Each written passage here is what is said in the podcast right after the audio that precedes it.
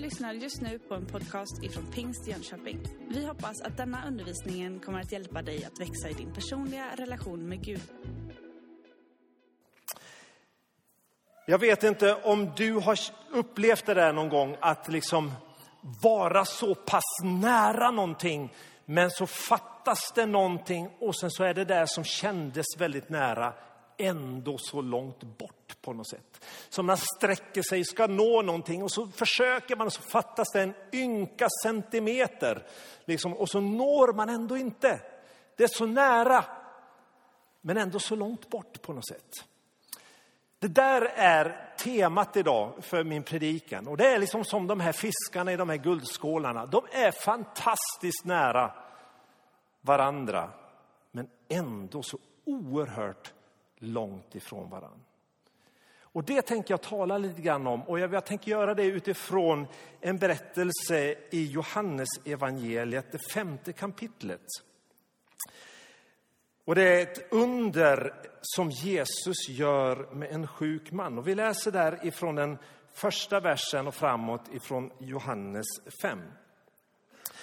Sedan inföll en av judarnas högtider och Jesus gick upp till Jerusalem. Vid fårdammen i Jerusalem fanns ett bad med det hebreiska namnet Betesda. Det har fem pelargångar och i dem låg en mängd sjuka, blinda, lama och lytta.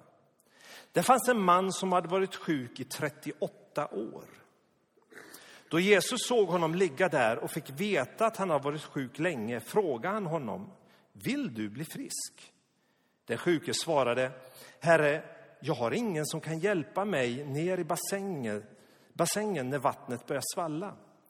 Medan jag försöker ta mig dit ner så hinner någon annan ner före mig. Jesus sa till honom, stig upp, ta din bädd och gå. Genast blev mannen frisk och tog sin bädd och gick. Men det var sabbat den dagen och judarna sa till honom som hade blivit botad, det är sabbat, du får inte bära på din bädd. Han svarade, den som gjorde mig frisk sa åt mig att ta min bädd och gå. Då frågade, vem var det som sa åt dig att ta den och gå? Han som hade botats visste inte vem det var, för Jesus hade dragit sig undan eftersom det var mycket folk på platsen. Efteråt fann Jesus honom i templet och sa till honom, du har blivit frisk. Synda inte mer så att det inte händer dig något värre. Mannen gick då och talade om för judarna att det var Jesus som hade gjort honom frisk.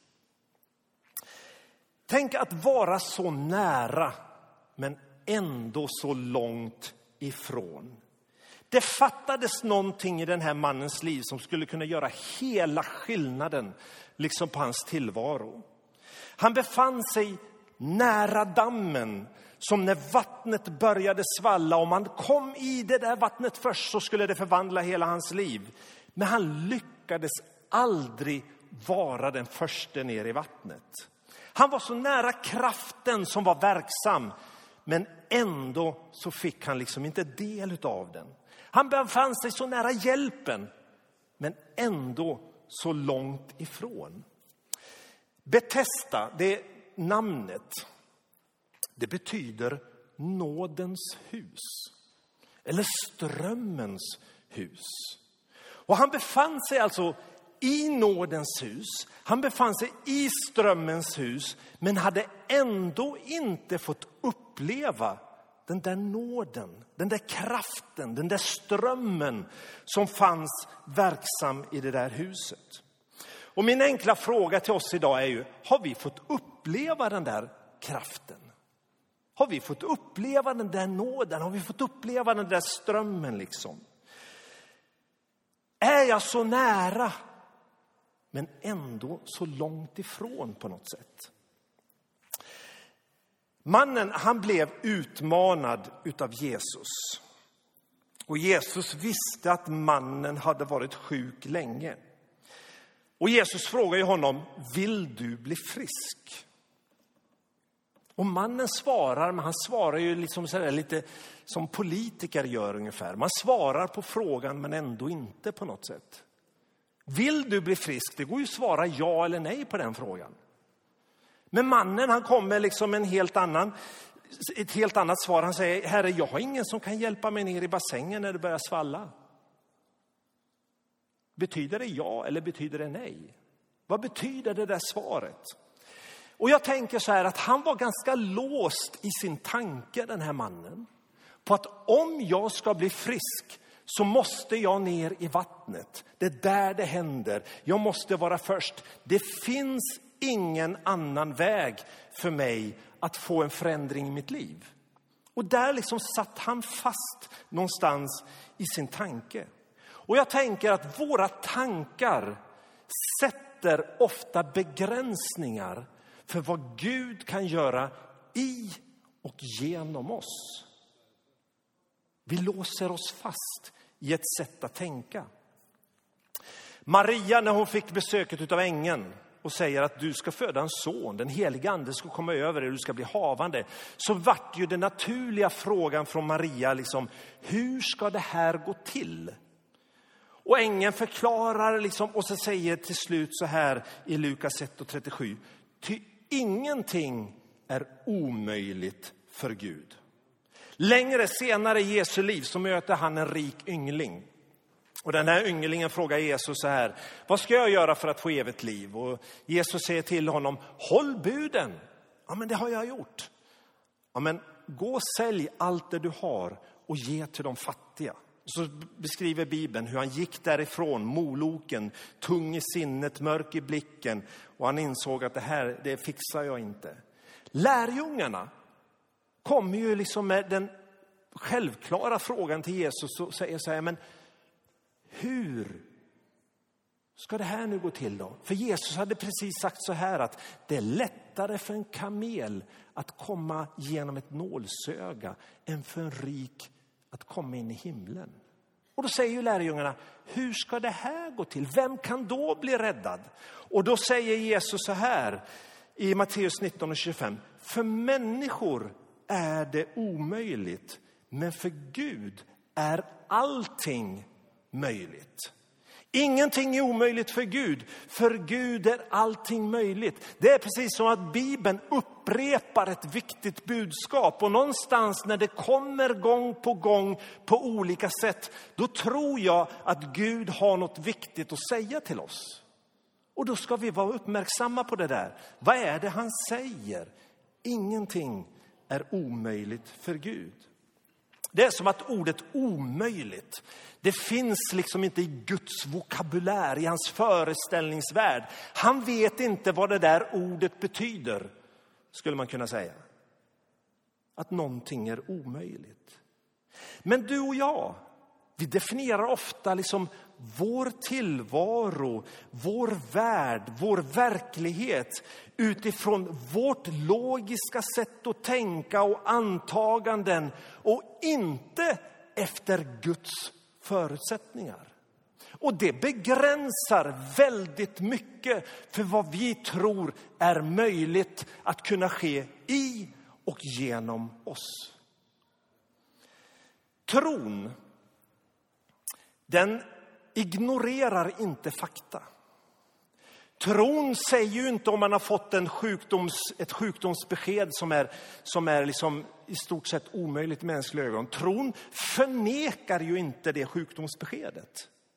Men tron den söker ett till utlåtande utav den högste läkaren, skaparen själv och frågar, var det där slutordet? Eller har du något mer att säga i den här frågan?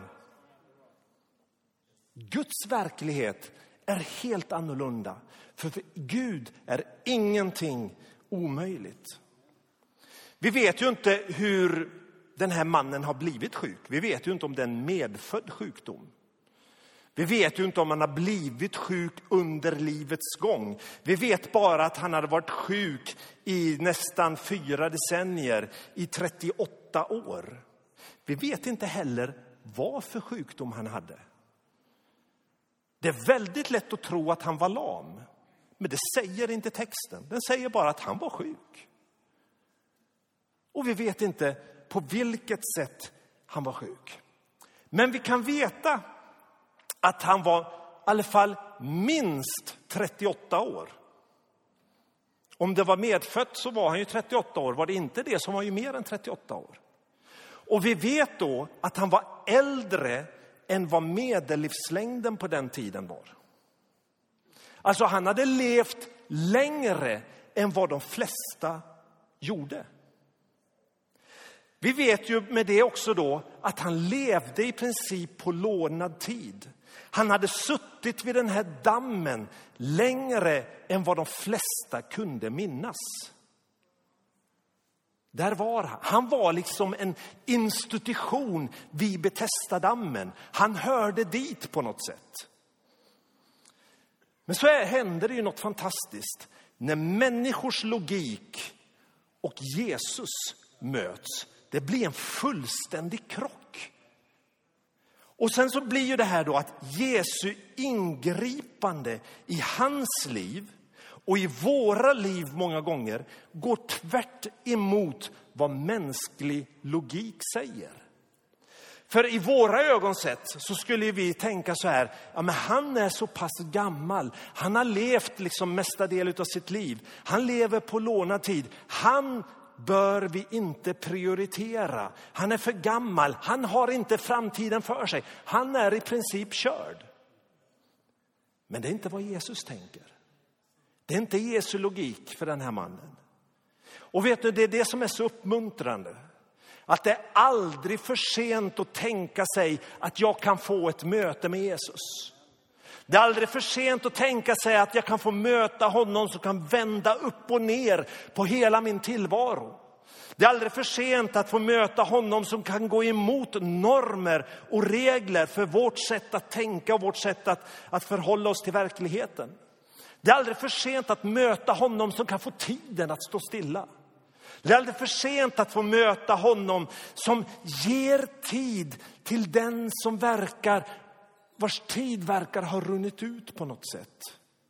Det är aldrig för sent att få möta honom som ger utav sin nåd till vem han vill och utan kostnad. Den här mannen, han var uträknad. Han var ensam, han var bortglömd, han var ett omöjligt fall, han var obotlig, han var uppgiven.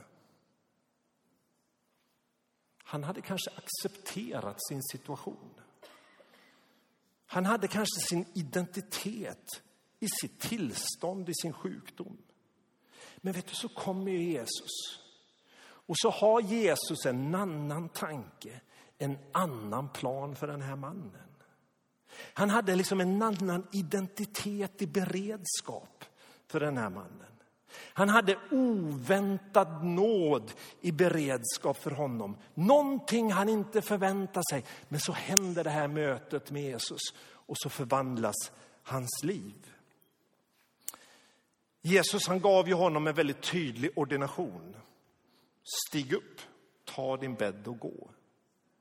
Så enkelt, men så svårt. Tänk att livet också är det. Det kan vara mycket enkelt, men det kan vara extremt svårt på samma gång.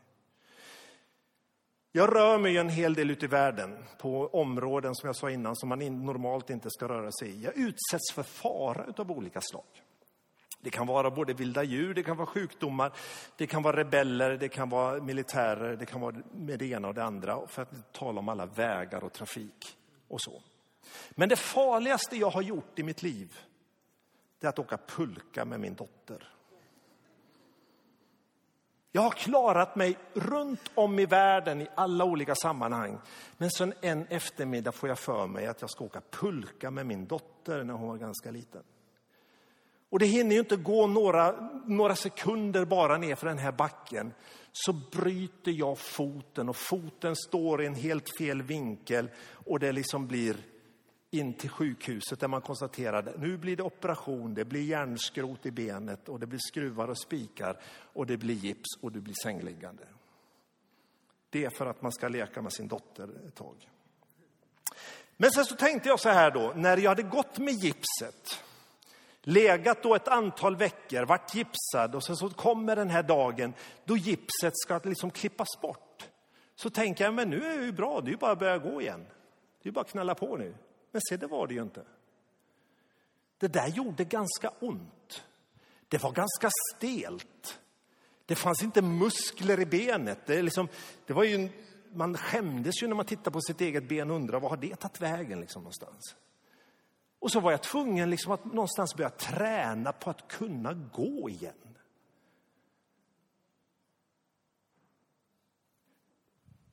Och jag funderar på den här mannen som, in, som varit sjuk i 38 år. Hur gick det för honom? Jo, men det står ju att han blev liksom frisk så. Han steg upp, han gick. Men jag tänker mig att det inte alltid det sker på det sättet.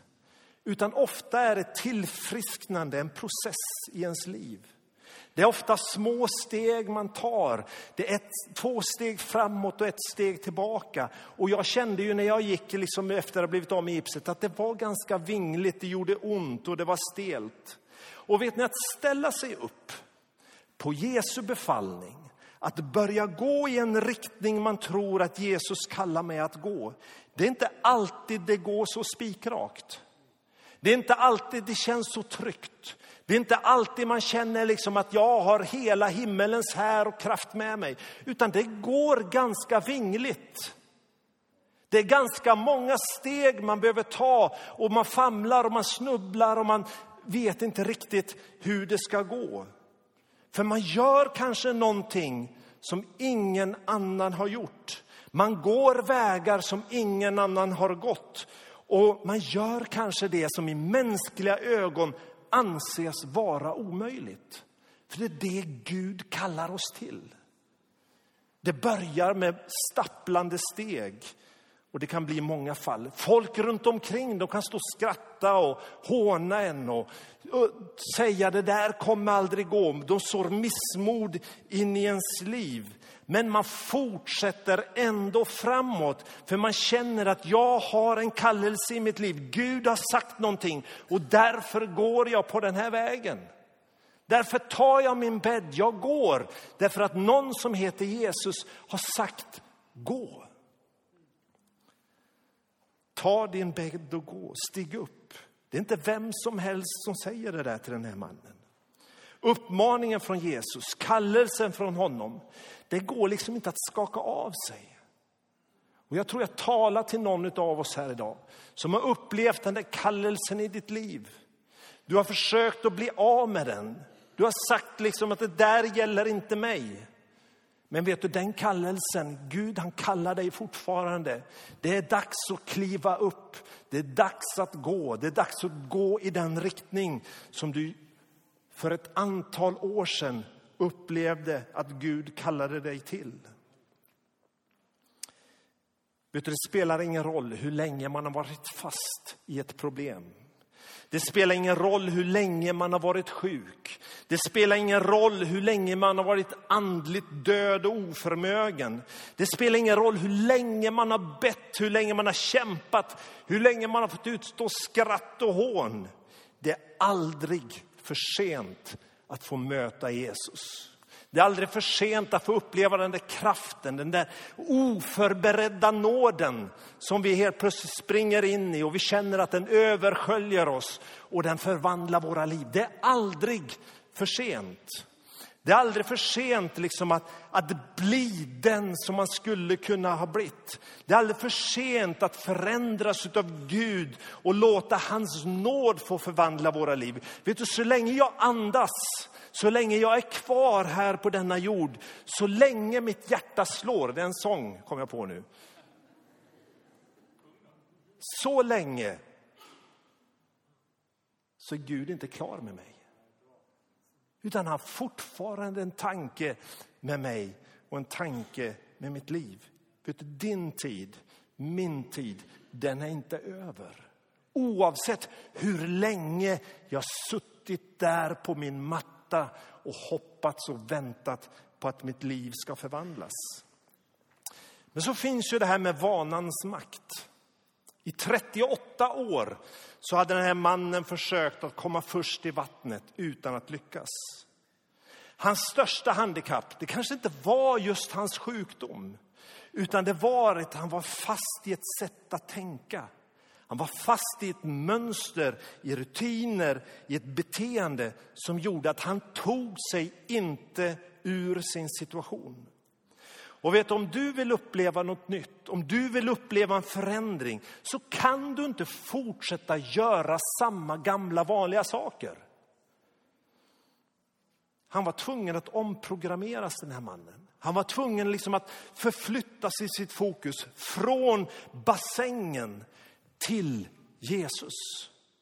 För i slutänden så handlar det, mina vänner, det handlar bara om Jesus. Det är bara där. Det spelar ingen roll, allt det andra. Vill du bli frisk? frågade Jesus. En märklig fråga egentligen. Men skulle vi ställa den frågan in i vårt svenska samhälle idag, vill du bli frisk? Så är jag inte säker på att svaret alltid skulle vara ja. Vet ni att 80 procent av de sjukdomar och åkommor som vi har i vårt land är livsstilsrelaterade? Ohälsosamma levnadsvanor gör att cancer, diabetes, hjärt och kärlsjukdomar, kronisk lungsjukdom och psykisk ohälsa drabbar tiotusentals svenskar per år. WHOs, alltså Världshälsoorganisationens senaste statistik för Sverige visar att livsstilssjukdomar toppar ohälsolistan för vårt land.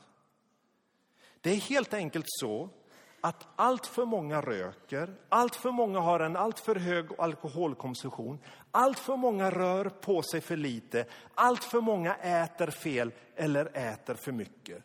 Och det är så enkelt, svaret på detta, men ändå så svårt. Och för att åstadkomma förändring så måste liksom viljan till förändring vara starkare än smärtan som förändringen orsakar. Och det är där som nio av tio av oss brister. Vi klarar inte av liksom den här smärtan som förändringen kräver. Där har mannen legat i 38 år. Han hade sin vardag, sin invanda mönster, sin trygghet. Han hade liksom sin världsbild knuten kring Betestadammen. Den hade krympt ner till den här mattan på kanske en kvadratmeter. Och det var hans liv, det var hans värld. Men det var också hans trygghet, hans invanda mönster, hans säkerhet. Det han kände sig bekant med. Och vet ni, det invanda mönstret kan ibland bli vår säkerhet så pass mycket så det också blir våra bojor det binder oss. Rutiner och återkommande mönster skapar ju ofta trygghet. Vi vet vad vi har, men vi vet inte vad vi får. Men därför står vi också kvar i det vi har. Men det är en fara när rutiner och mönster blir bojor i våra liv. Det finns en jättebra poäng och det är jättebra att ha andliga rutiner. Men det är en fara när andligheten bara blir en rutin. Då behöver den rutinen förändras. Det är jättebra att läsa Bibeln systematiskt. Men när rutinen och systemet blir viktigare än det liv som Bibeln förmedlar och det är det som blir viktigt att läsa, men inte att, att, att någonstans leva det livet. Ja, men då blir rutinen bindande, det blir en boja i våra liv. Det är bra att gå på gudstjänst och det är bra att ha det som en rutin i sitt liv. Men när gudstjänstbesöket bara blir en veckorutin bland allt annat och det är inte ett liv med dynamik tillsammans med den helige ande, ja men då behövs det någon form av förändring. Vad säger Jesus till den här mannen? Han säger stig upp, ta din bädd och gå. Alltså Jesus han utmanar den här mannen. Hela hans vardag, hela hans vanliga mönster, hela hans trygga tillvaro, hela hans världsbild utmanas av de här orden. Stig upp, ta din bädd, gå. Lämna det här. Det är som att Jesus säger till mannen att vill du förändring så måste du lämna, du måste rulla ihop din bädd, din matta, din trygghet, ditt invanda mönster, din rutin. Ge dig ut i det som för dig är okänt. Det finns en amerikansk pastor som heter Rick Warren som har sagt så här att om du alltid gör vad du alltid har gjort så kommer du alltid att få vad du alltid har fått. Alltså om du vill upprepa historien så gör då vad som alltid har gjorts. Men vill du skriva historia så gör saker på ett sätt som det aldrig har gjorts tidigare. Vill du vara med och förändra historia, vill du vara med och förändra sammanhang, då behöver man ibland gå emot den gängse normen. Man behöver våga kasta sig ut i någonting som är okänt. Ett nytt liv medför också ett nytt ansvar. Jesus han möter ju den här mannen lite senare i berättelsen och säger så här. Du har blivit frisk, synda inte mer så att det inte händer dig något värre. Alltså vad Jesus säger är att bli kvar i det där nya. Fall inte tillbaka in i gamla mönster, in i gamla rutiner. Låt förändringen gå på djupet. Lev kvar i förändringen. Det är som att Jesus säger, den här välsignelsen som du har fått, vad tänker du göra med den? Hälsan som jag har välsignat dig med, vad gör du nu med ditt friska liv? Vad gör du med hälsan? Och jag tänker så in i våra sammanhang. Det Gud har gjort för mig, det Gud har välsignat mig med, hur förvaltar jag det? Gud har välsignat mig materiellt, han har gett mig pengar och välstånd. Vad gör jag med de resurser som Gud har välsignat mig med? Gud har välsignat mig med kunskap och erfarenheter. Hur använder jag det här till Guds ära? Hur brukar jag de välsignelser som Gud har gett mig? Hur förvaltar jag det här? Jesus talar ju in i den här mannens liv och utmanar honom på ett område som för de allra flesta av oss skulle vara självklart svaret på den fråga han ställer. Vill du bli frisk? Det är väl klart att han ville bli frisk. Eller? Är det så självklart? Vet ibland kan sanningen vara obekväm. Och jag tror att vi behöver ibland konfronteras med den där obekväma sanningen i vårt liv. Vi behöver människor som, behöver, som kan tala in i våra liv och ställa obekväma frågor. Ordspråksboken säger det på det här sättet. Vännens örfil är ärligt menad, fiendens kyssar vill bedra. Alltså med andra ord, hellre en örfil från en vän än en kyss från en ovän. Och ibland så kan ju de här frågorna, när en människa talar, ställer frågor in i våra liv, kan vara sånt som vi egentligen inte vill höra. Det är så obekvämt, för det är en obekväm sanning. Ibland behöver vi göra vad vi inte vill göra. Och vi kan inte förvänta oss att Gud ska gå in och göra det övernaturliga i våra liv om vi inte är beredda att göra liksom det som är naturligt i våra liv.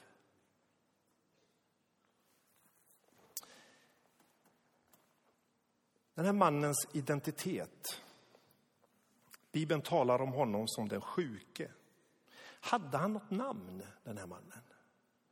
Ja, Bibeln avslöjar inget namn i alla fall. Den talar bara om den sjuke mannen. Hade han någon annan identitet vid sidan om sin sjukdom? Hade han något annat liksom tillstånd än det tillståndet sittandes vid den här dammen. Bibeln talar om den prostituerade kvinnan med alabasterflaskan. Bibeln talar om den blindfödde mannen. Bibeln talar om äktenskapsbryterskan som tog på bar, bar gärning. Inga namn, utan människor som blir identifierade med sin synd, sin sjukdom eller sitt tillstånd. Men jag tror inte att det är på det sättet som Gud identifierar oss. Och jag tror inte att det är våra sjukdomar, våra problem, våra situationer som någonstans ska ge oss vår identitet. Vi är inte vår sjukdom. Vi är inte vår utmaning. Vi är inte vår synd. Vi är något annat. Men saker och ting drabbar oss i våra liv. När mina barn växte upp och de ljög för mig så gick inte jag omkring och kallade dem för lögnare. De var fortfarande mina älskade barn. Jag lät dem förstå att det inte är okej okay att ljuga. Men de var inte lögnare. De kunde ljuga, men de var något annat. De var mina älskade barn. Och det är så jag väljer att se också Guds ord när Guds ord talar om oss. Jag är inte mitt tillstånd, jag är inte min synd, jag är inte min sjukdom och det får inte definiera mig. Utan jag är vad Gud säger att jag är. I vår kultur så sätter vi etikett på varandra utifrån vad vi gör. Men det är inte bara ohälsosamt och nedvärderande, det är omänskligt. Guds ord däremot talar om för oss vad vi är. Han som har skapat oss, han vet väl vad det är som han har skapat. Och när vi har tagit emot Jesus i våra liv så säger Guds ord så här, att jag är utvald av honom redan, redan före världens skapelse. Jag är friköpt och förlåten. Jag är en ny skapelse, jag är rättfärdig, jag är älskad, jag är ett Guds barn och jag är en segrare. Det säger Guds ord. Det är det som jag är, jag är inte det andra. Det andra drabbar mig, för vi lever i en fallen värld. Men jag är något annat. Om du skulle göra en personstudie på Petrus, en av Jesu lärjungar som det berättas om i Nya Testamentet, så skulle man ganska snabbt kunna konstatera att han var en hetlevrad, oberäknelig och impulsiv person. Och man skulle kunna sätta det epitetet på honom och ge honom den etiketten. Och man skulle liksom kunna tänka honom utifrån de etiketterna hela tiden. Men Jesus han säger något helt annat om Petrus. När han ska beskriva Petrus så säger han så här i Matteus 6, Matteus 16. Jag säger dig att du är Petrus, klippan på den klippan ska jag bygga min kyrka och dödsriket portar ska aldrig få makt över den. Jag ska ge dig nycklarna till himmelriket. Allt du binder på jorden ska vara bundet i himlen och allt du löser på jorden ska vara löst i himlen. Detta om denna impulsiva, oberäkneliga och knepiga personlighet. Gud såg honom som något helt annat. Han var klippan som han tänkte investera hela sin församlings, sitt församlingsbygge på. Jesus definierar Petrus liksom utefter helt andra kriterier. Han profeterar över honom. Han talar ut någonting som är långt större, långt mäktigare, något långt mycket mer, långt mycket mer fantastiskt än det som han själv kunde se om sig själv och sin tillvaro. Det är så Gud ser på oss. Och det så Gud såg på den här mannen när han i Jesu gestalt gick där vid Betestadammen. Han såg att han har suttit där tillräckligt länge. Han såg att hans svar på hans problem, det är inte det här vattnet, utan det är ett möte med mig, den levande, sanne guden. Och därför tilltalar han honom.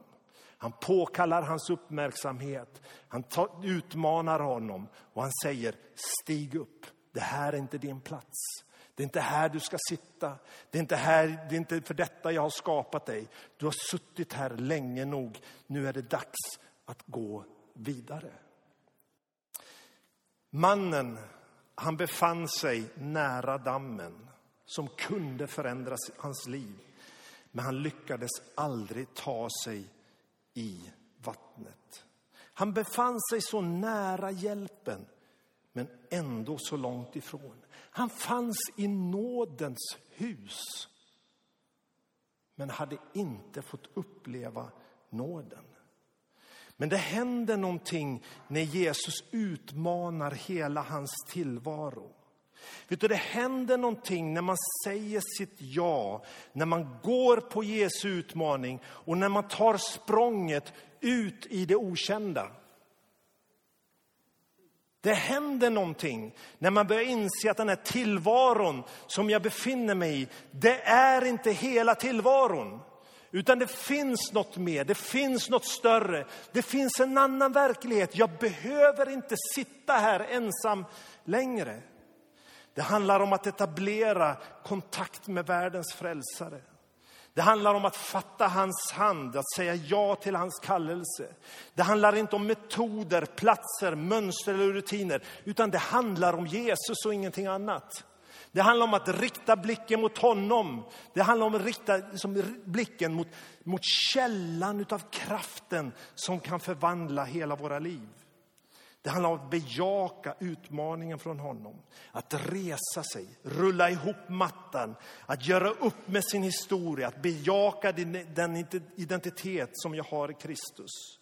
Det handlar om att ta emot det oväntande, överraskande, översvallande nåden. Den nåd som bara Jesus kan ge.